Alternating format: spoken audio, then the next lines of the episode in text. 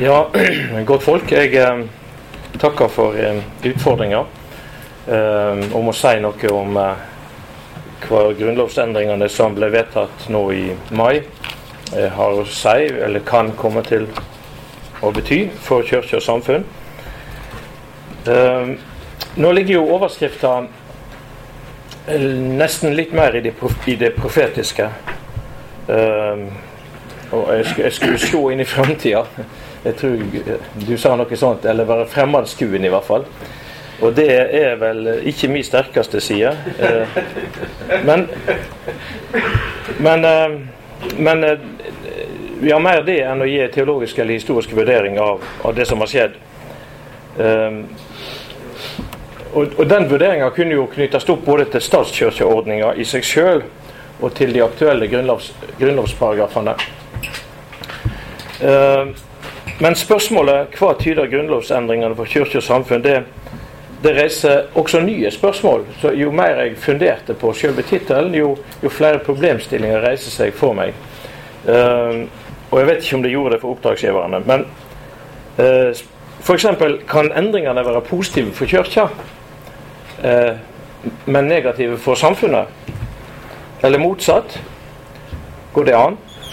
Har Kirka misforstått sin rolle i verden dersom den for sin egen del innretter seg slik at det er negativt for samfunnet omkring.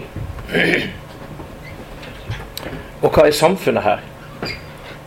Det blir jo da en tredje dimensjon.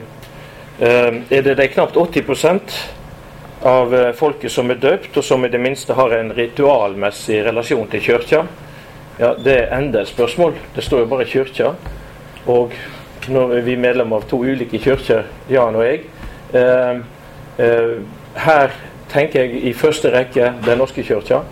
Og så tenker jeg videre om så å si kristendommens situasjon i, i, i kulturen i Norge. Eh, så det er mange presiser, presiseringer som kan gjøres.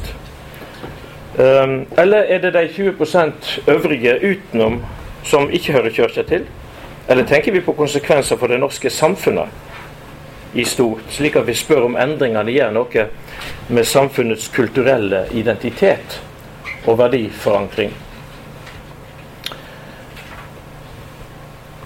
En konklusjon som sa at endringene vil ha få grensene til ingen konsekvenser, korset for kirke eller samfunn, kunne jo også la seg høre. Um, og jeg skulle tro at hadde jeg spurt samtlige som vi møtte på veien fra bystasjonen og bort her, så ville en sånn konklusjon være nærliggende. Men eh, det mest konstruktive og for tanken produktive ville antagelig være å se endringene som ett av flere fenomen i et samfunn eller i en samfunnskultur som i seg sjøl er i endring. Der prosessen som endringene er en del av, blir det mest interessante. Og det vil på mange måter være mitt utgangspunkt, selv om jeg er nødt til å gå på det helt konkrete og betrakte det isolert for seg. Men eh, hvis det er mitt utgangspunkt, så betyr det at jeg ser det slik at grunnlovsendringene ikke kan isoleres som et juridisk eller teologisk spørsmål alene. Eh, det blir endringer som er en del av andre og større endringer. Men så må vi altså likevel kunne si noe om det, både prinsipielt og praktisk. Og det er det jeg skal forsøke på i dag. Det kan jo også hende at et visst tilbakeskuende perspektiv også kan være hjelp til hjelp når vi skal prøve å se framover og vurdere konsekvensene som det kan ha i framtida. Um,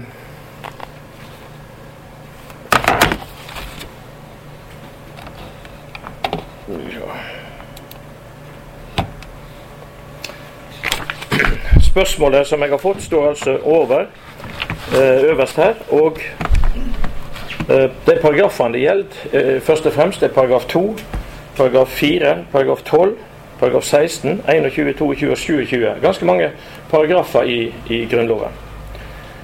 Paragraf 2 handler jo om at den evangelisk-lutherske religion forbliver statens, landets, Norges religion og osv. Jeg skal komme tilbake til den. Paragraf 4 eh, omhandler kongens vedkjenningsplikt. Paragraf 12 opphever kravet om det halve statsråd som må være medlemmer av kirka eh, når de skal være med og av, avgjøre kirkelige spørsmål. Så Slik sett er det jo ingen begrensninger der lenger. Det kan i og for seg være, være eh, 14 av 15, eller hvor mange det er i regjeringa til enhver tid, som er med å Uh, al altså Det kan være samtlige i en regjering, men 14 av, 14 av 15 kan for ikke være med, trenger ikke være medlem av Den norske kirke for likevel å av, avgjøre spørsmål som vedkommer Den norske kirke i fremtiden. Uh, paragraf uh, La oss si paragraf 21 og 22. der er det små endringer. Det er bare det at i paragraf 21 er geistlige embetsmenn eh, tatt ut når det gjelder stat, kongens anordningsrett på det området. Og i paragraf 22 er det biskopene det gjelder, det som heter i Grunnlovens språk geistlige overøvrighetspersoner. Jeg har ikke skrevet 16 her, for den skal jeg komme grundigere tilbake til. Det er jo selve statskirkeparagrafen eh, fra gammelt av. Eh, la meg, før jeg går videre, eh, også si noe om eh, Eller ta et lite personlig et lite, komma, personlig eh, utgangspunkt. Eh, og da går jeg til 1975. Eh, den eh, mai-måneden var veldig skjellsettende. Da kom Sivertsen-komiteen sin innstilling om Den norske kirkes ordning. Og det er første gang i historien at en statlig nedsatt komité konkluderer med at statskirken bør oppheves.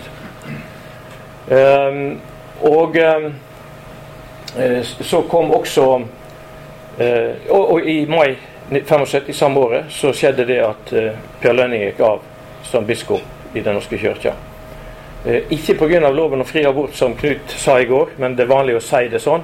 For den loven kom i 78, men i 75 kom det for første Altså Lønnings begrunnelse for gav kom fordi loven for første gang brukte ordet rettighet, eller rett, om det å få ta abort.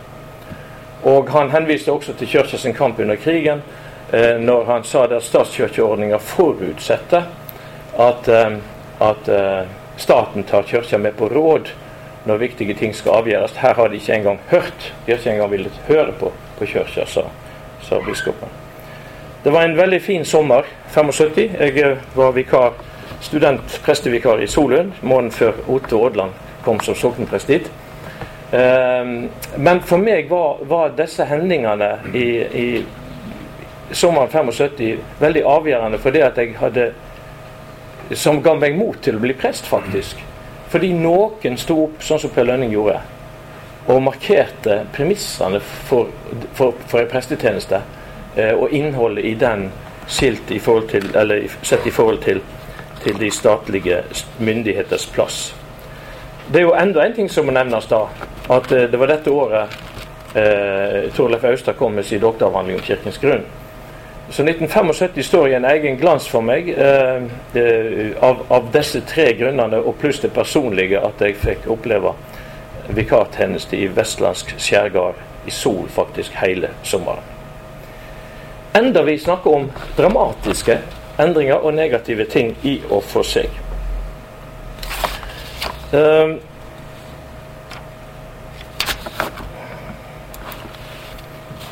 Grunnlovens eh, I går snakket vi litt om, om dette med det territorielle i, i vår statskirkeforståing, eller vår statskirkeordning.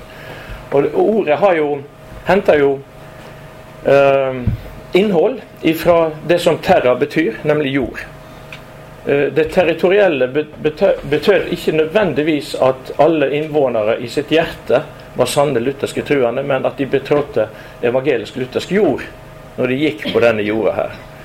Um, og Det var jo også grunnen til at det var mest uh, dissentere som, uh, som reiste til Amerika i 1825 med den første båten. Og det, det var i og for seg en umulighet å ikke være evangelisk-luthersk hvis du bodde på et evangelisk-luthersk territorium.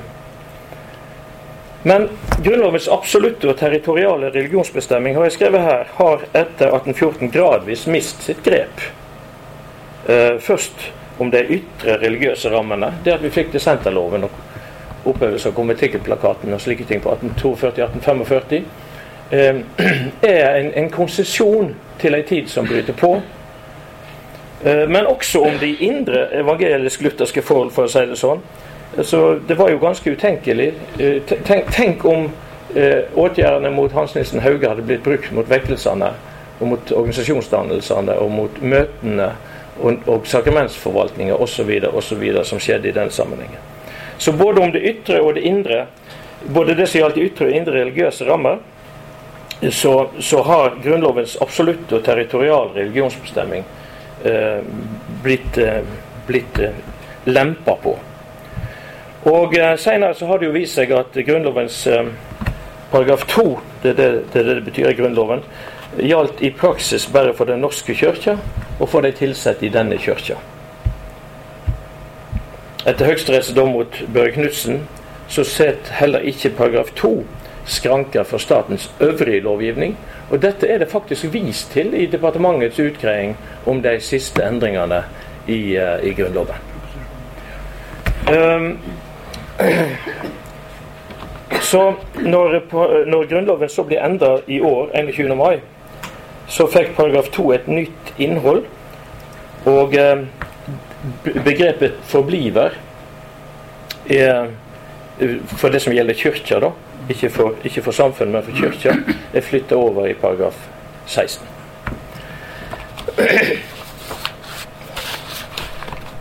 Så vil jeg for min personlige del for jeg har jo fått den friheten at jeg får gi det et personlig touch i dette her.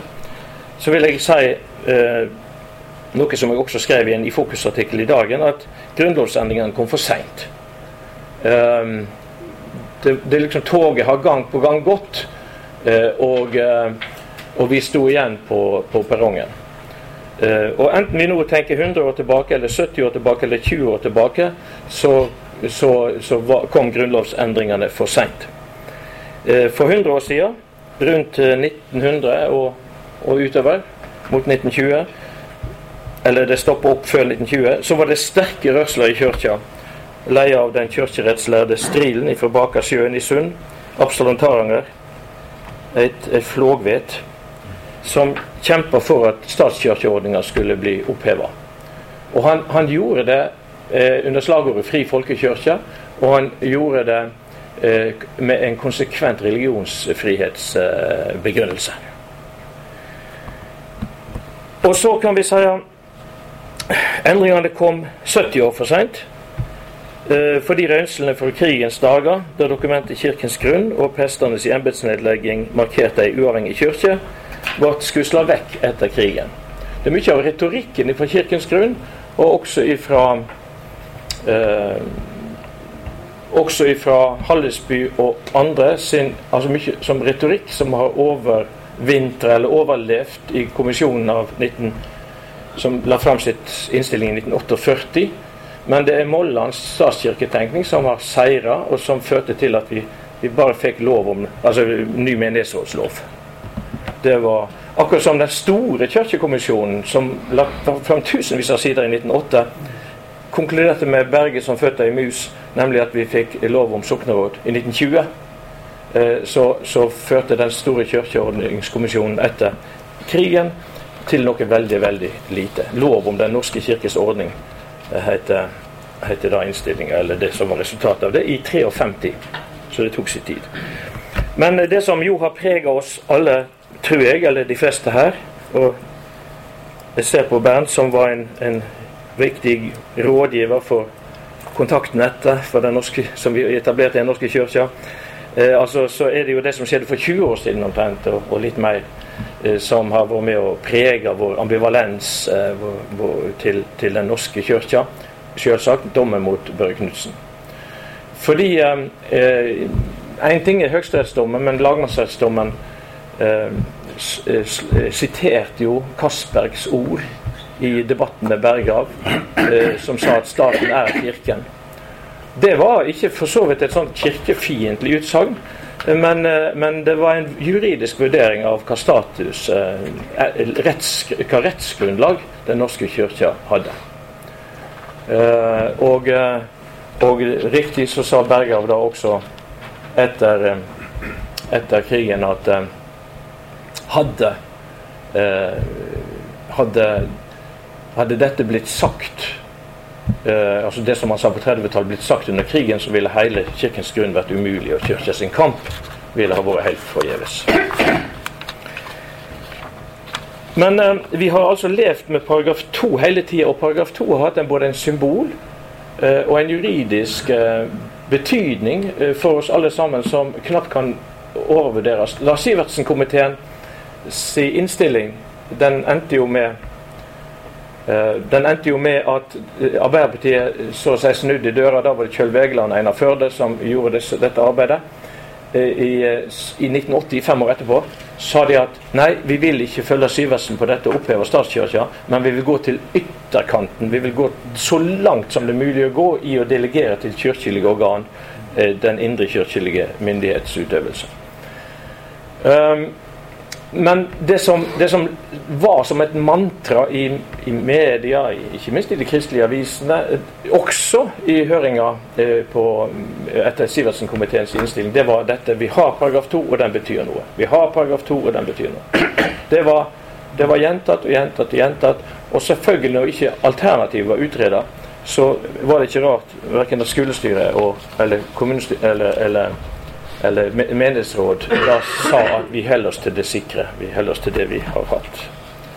Men eh, det skulle altså da ikke gå mange åra før en høyesterettsdom, og når den ikke blir endra, så har den lovskraft. Da, den, da er den like virkningsfull, betydningsfull som en vedtatt stortingslov, eller til og med en grunnlovsformulering.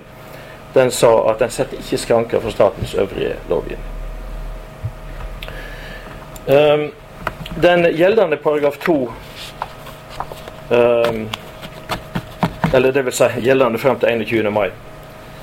Uh, uh, har som innledning alle innvånere av riket har ved fri religionsutøvelse. Jeg tror den kom så seint som i 1964, altså 150 år etter, etter Grunnloven. Ja. Uh, så når vi leser Grunnloven med gamle danske bokstaver, så skal vi ikke tro at alt dette var vedtatt i 1814.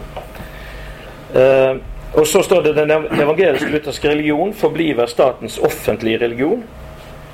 Eh, de innvånere der bekjenner seg til dem, er forpliktede til at oppdrage deres børn i samme.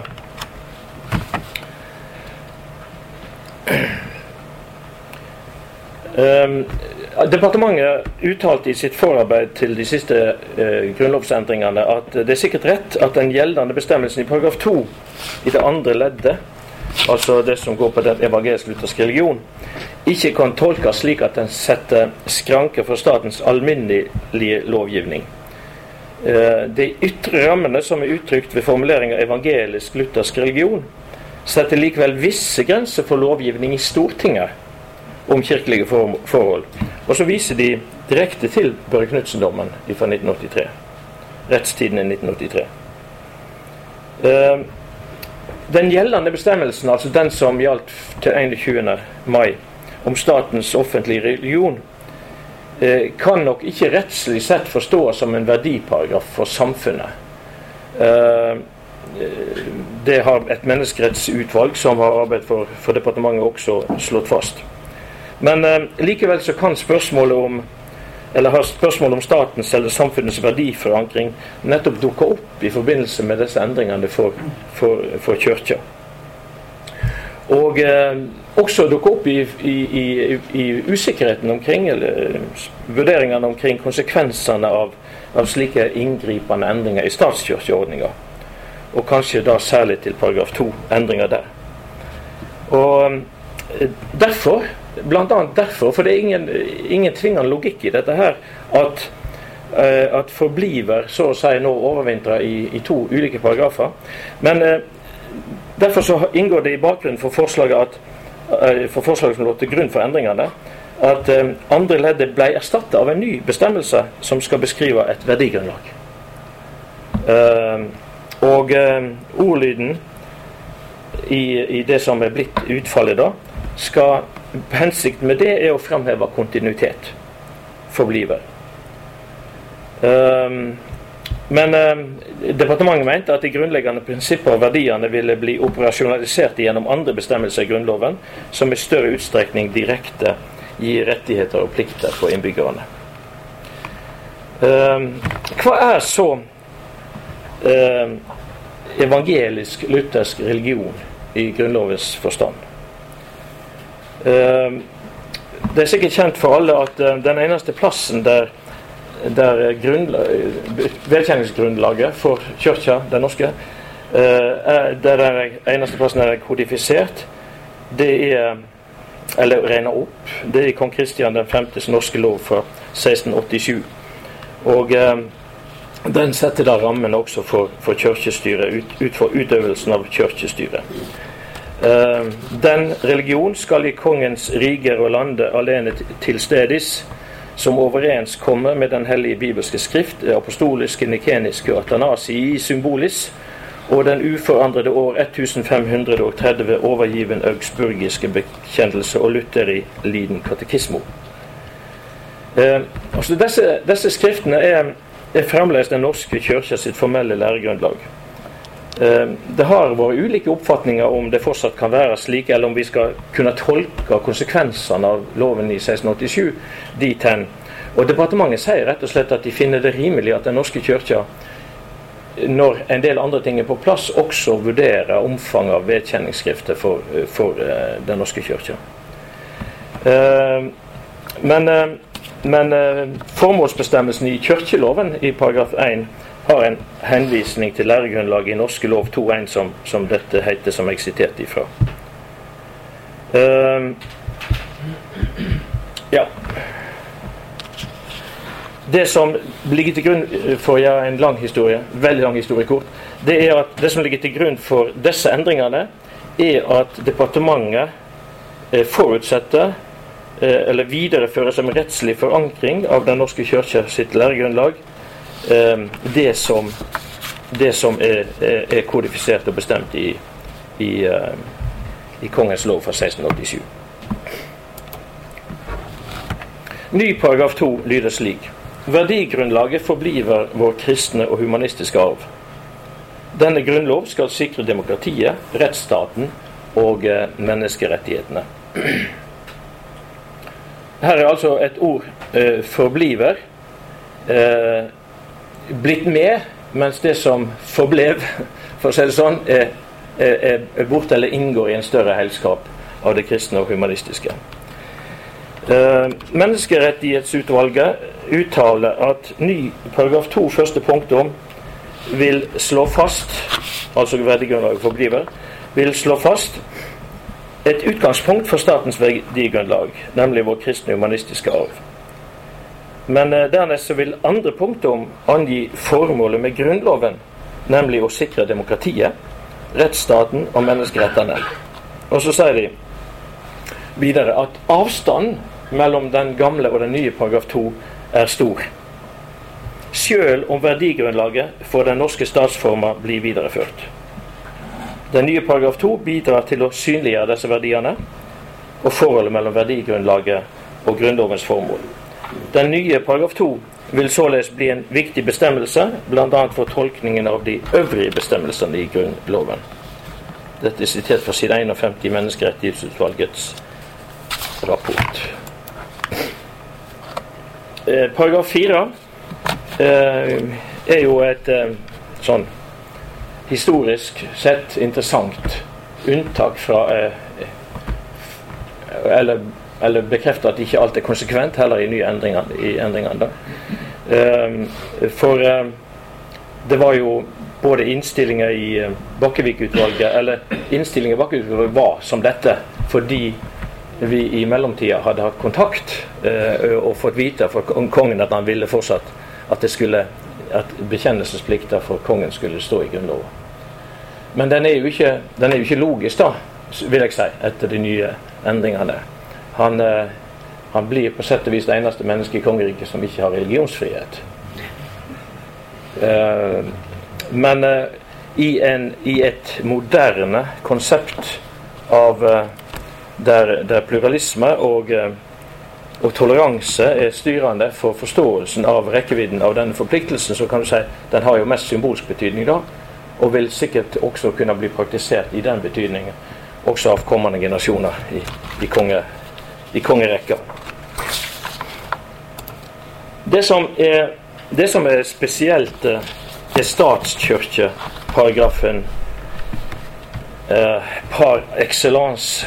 Det var jo den gamle paragraf 16, som sa at kongen anordner all offentlig kirke- og gudstjeneste, alle møter og forsamlinger om religionssaker, og påser at religionens offentlige lærere følger de dem foreskrevne normer.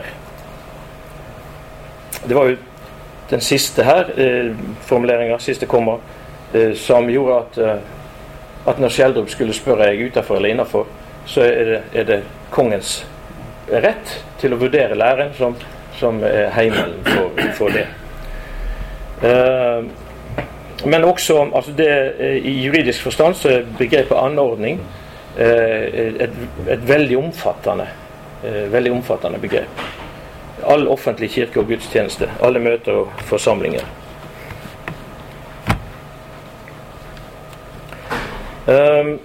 Den nye paragraf 16 sier at alle innvånere av riket har ved fri religionsutøvelse. Øvelse.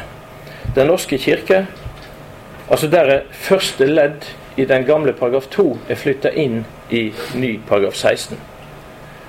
Den norske kirke, en evangelisk luthersk kirke, forbliver, og der kommer forbliver igjen. Altså nå, nå har vi forbliver to plasser.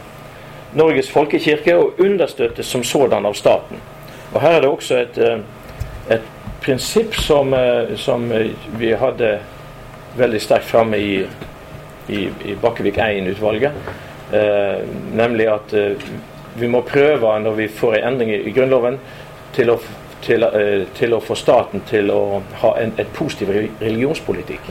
Nå er jo hele religionspolitikken oppe til drøfting. og uh, Det er Sturla Stålseth som er leder av et sånt religionsutvalg. så Jeg er veldig spent på konsekvensene av det. Men eh, poenget med at staten er understøttende, betyr ikke at de binder seg til en religion, men at de ser positivt på verdien av religion i det hele tatt. Uh, forbliver Norges folkekirke understøttes som sådan. Ja. Nærmere bestemmelse om dens ordning fastsettes ved lov. Alle tros- og livssynssamfunn skal under, skulle understøttes på like linje. Eh, Grunnlovens paragraf 16 er et såkalt prerogativ. Jeg bruker ikke veldig mange fremmedord i dag, men det må vi ha med oss. Eh, det betyr Et prerogativ betyr at kongens myndighet i noen grad er eksklusiv i forhold til Stortingets. Um, konstitusjonelt så legger, ligger det til grunn for den gamle paragraf 16 at, at Stortinget var avskåret fra å instruere kongen i indrekirkelige enkeltsaker. Eh, prerogativet var likevel ikke til hinder for at Stortinget kunne føre en etterfølgende kontroll med hvordan regjeringa utøvde, altså kongen, kirkelig statsråd eller kongen statsråd utøvde sin myndighet. Um, og I prinsippet så, så begrenser denne, loven, denne paragrafen også Stortingets lovgivningsmyndighet.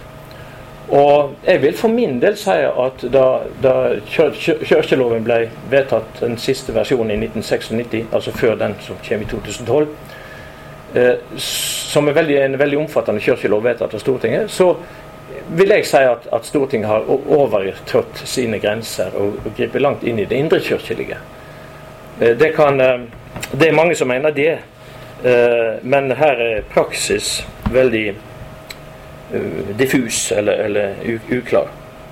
Men skrankene er altså Skrankene for Stortingets relasjon mellom konge og storting er, er, har vært uklare. Um, departementet uh, sa at tredje punktum her i den, uh, i den uh, i den nye loven. Nærmere bestemmelser om dens ordning fastsettes ved lov. Det skal jeg komme litt tilbake til, så jeg skal ta det veldig kort her nå. Eh, det betyr at, eller gjør det tydelig at Stortinget fortsatt kan og skal gi særskilt lovgivning, altså etter 2012 også for Den norske kirke, eller om Den norske kirke. Eh, for det følger av Grunnlovens paragraf 75, som vi ikke skal gå inn på her. Den nye bestemmelsen uttrykker at lov, lovgiveren, og dette er viktig, fortsatt kan gå lenger i å regulere Den norske kirka enn andre tros- og livssynssamfunn.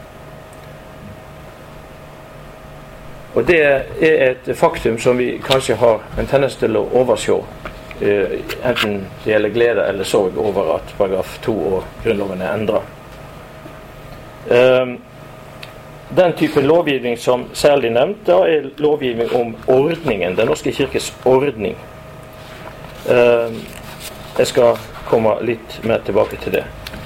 Men litt mer om prerogativ.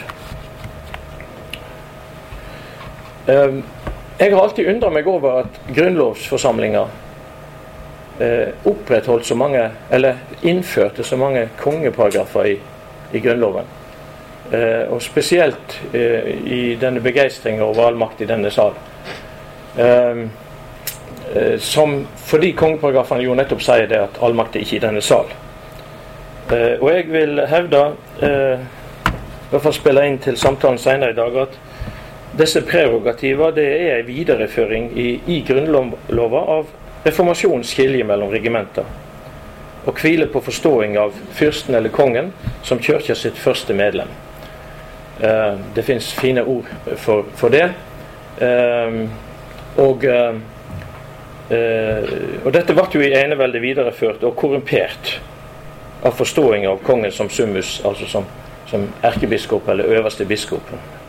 I, i, i eneveldet. Og jeg er også enig med det som Oddvar sa i går, at, altså at, at i praksis så, så, er det et eklatant overgrep mot eh, fundamental regimentstenkning når kongen så til de grader blir, blir summus episkopus.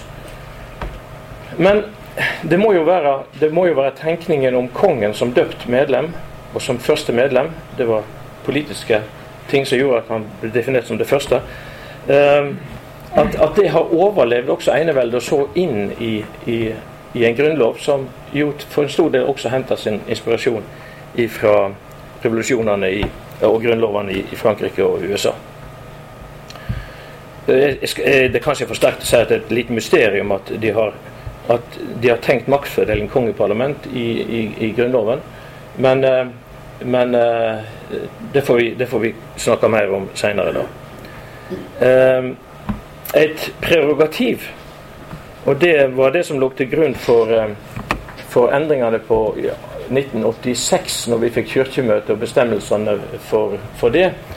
Eh, for det var en forvaltningsmessig og avgjørelsesmessig så var det en revolusjon. Men det skjedde på delegasjon. Et prerogativ kan delegeres, men aldri overføres. Kirkemøtet sitt mynde inntil 2012 hviler på delegasjon.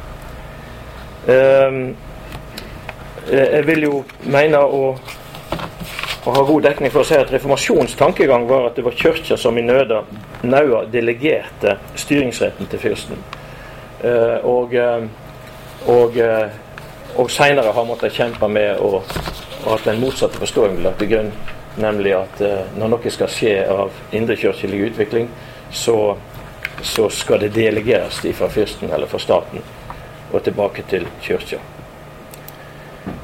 Kirkelig statsråd er nå oppheva. Det sier seg jo sjøl.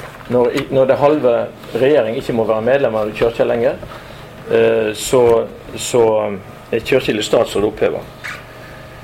Eh, men Kirkedepartementet, hva det nå heter Nå heter det jo Fornyings-, administrasjons- og kirkedepartementet. Eh, vi har vel alle sammen i, i, i vår levetid opplevd fem eller seks eh, forskjellige titler og kombinasjoner. Navn og kombinasjoner for dette statsrådet. Kirkedepartementet vil også etter eventuelle endringer i Grunnloven ha ansvar for kirkesaker. Og Det innebærer at departementet fortsatt vil behandle saker som har mer eller mindre tydelige læremessige sider eller implikasjoner.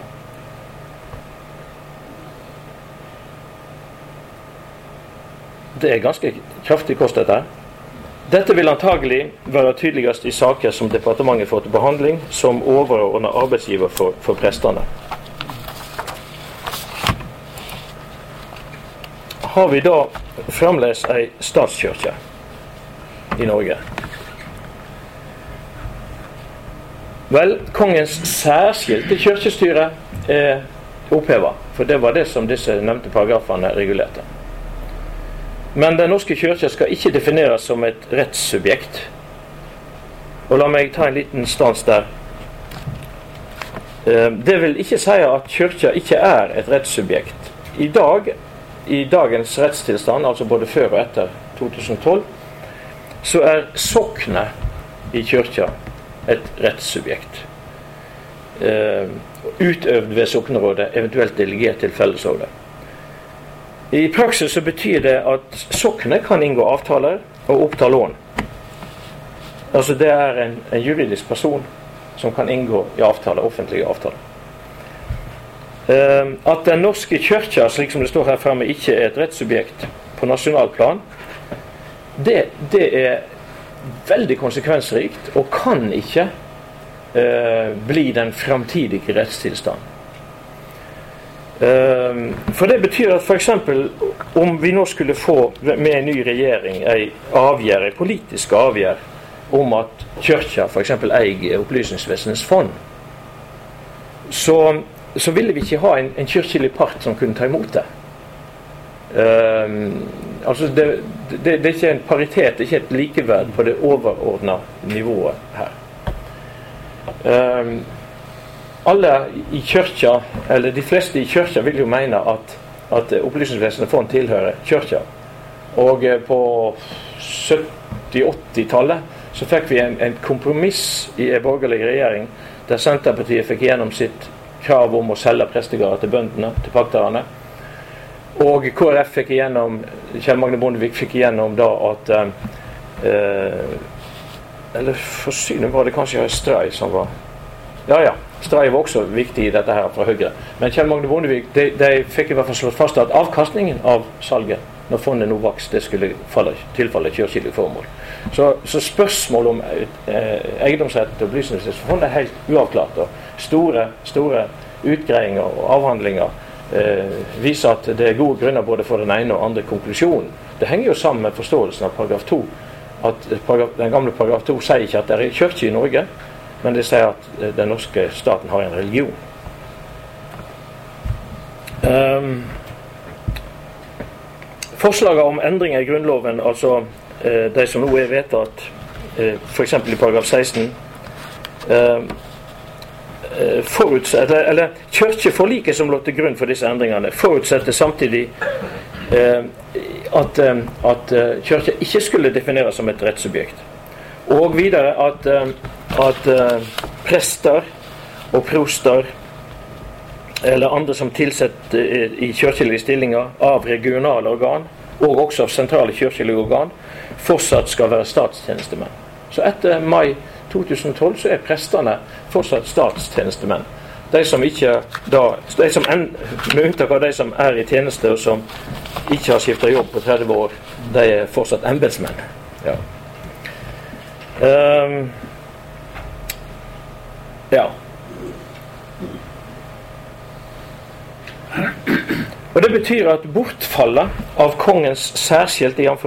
første setning oppe, av eh, kongens særskilte grunnlag for kirkestyret, det vil da bety, dette bortfallet betyr at statens framtidige oppgaver på det kirkelige området må ivaretas innenfor de alminnelige reglene i Grunnloven om styrings- og ansvarsforhold i staten.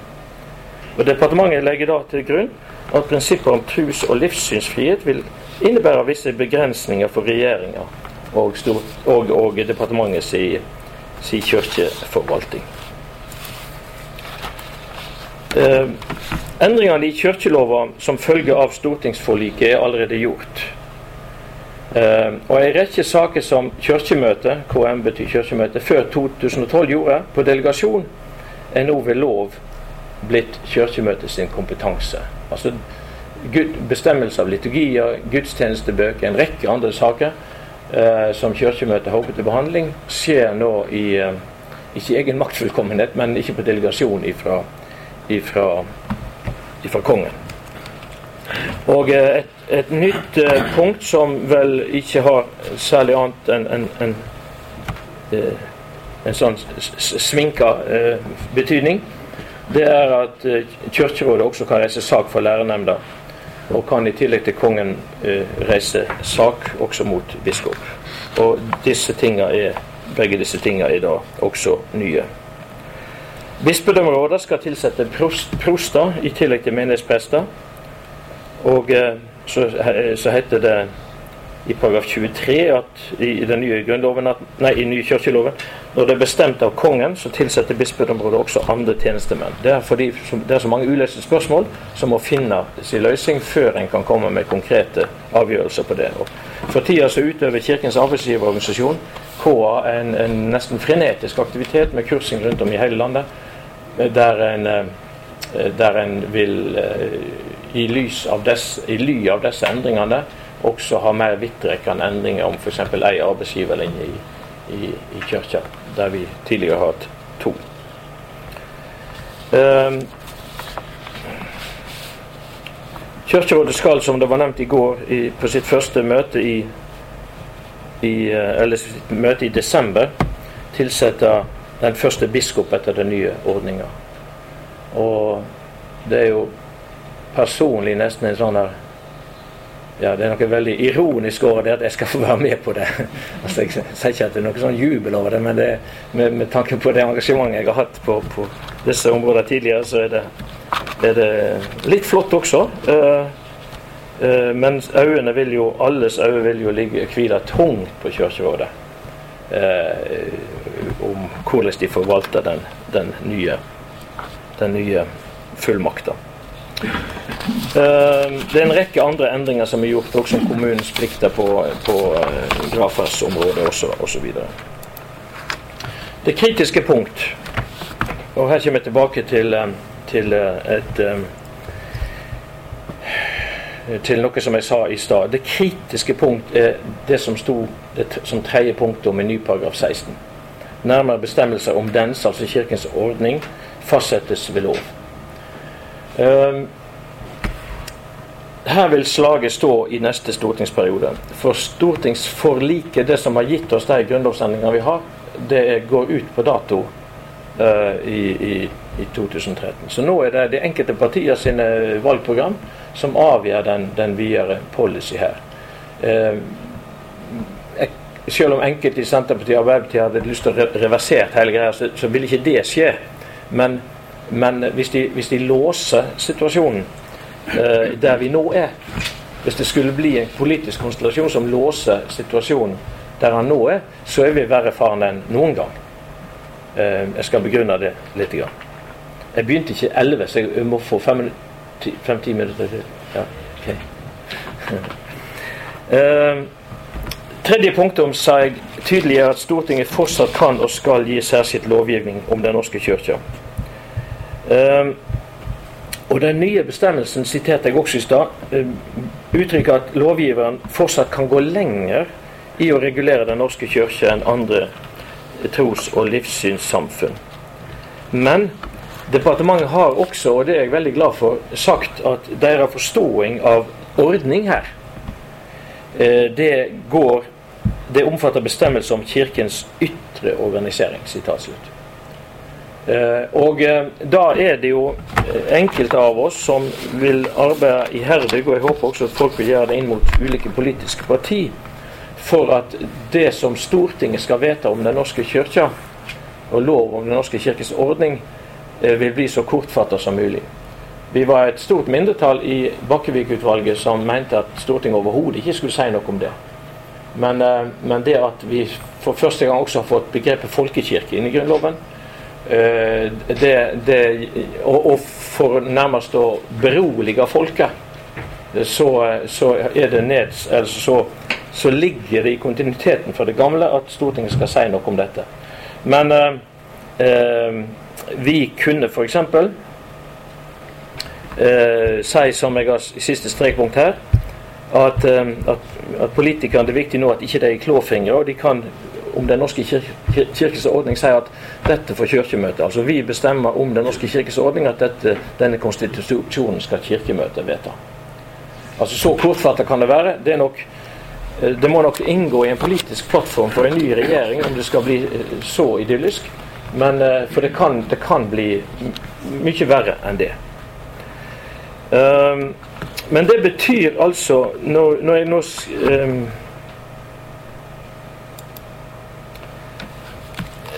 Nå, hvis jeg da spør Har vi tatt ett skritt fram og ha, og så skriver, skriver jeg ikke mer.